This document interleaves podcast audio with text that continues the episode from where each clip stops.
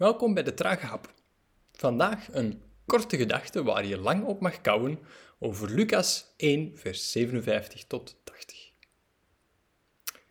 We zitten in het verhaal van uh, Zacharias en Elisabeth en Zacharias kan al negen maanden lang geen woord meer uitbrengen.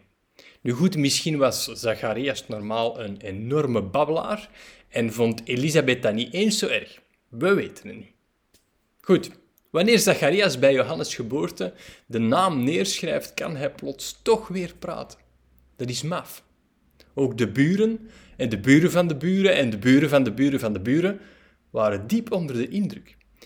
En je zou kunnen zeggen dat het viraal ging, want alle mensen in het bergland van Judea praten erover. Als het toen mogelijk was om selfies te nemen, ze hadden in rijen staan aanschuiven.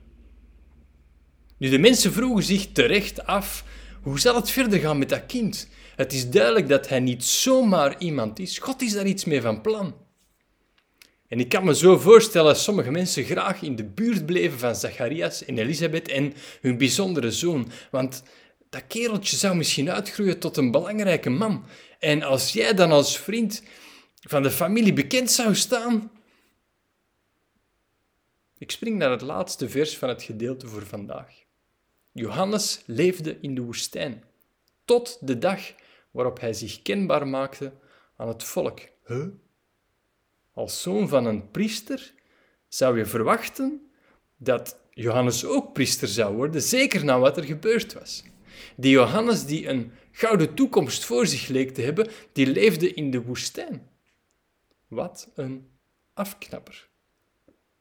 Nu, ik weet niet hoe het met u zit, maar ik heb vaak een bepaalde voorstelling van hoe iets zal gaan. En mijn ervaring is dat het vaak helemaal anders gaat. En hier is dat ook zo. Niet dat ik denk dat er iets misging.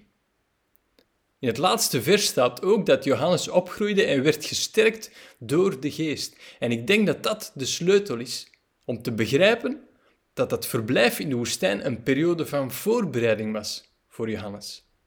En eigenlijk is dat meteen een mooie brug naar hoe de geest elk mens wil vormen, ook in tijden die lijken op woestijn. Zo, daar kan je nog wat verder op kouwen. Smakelijk.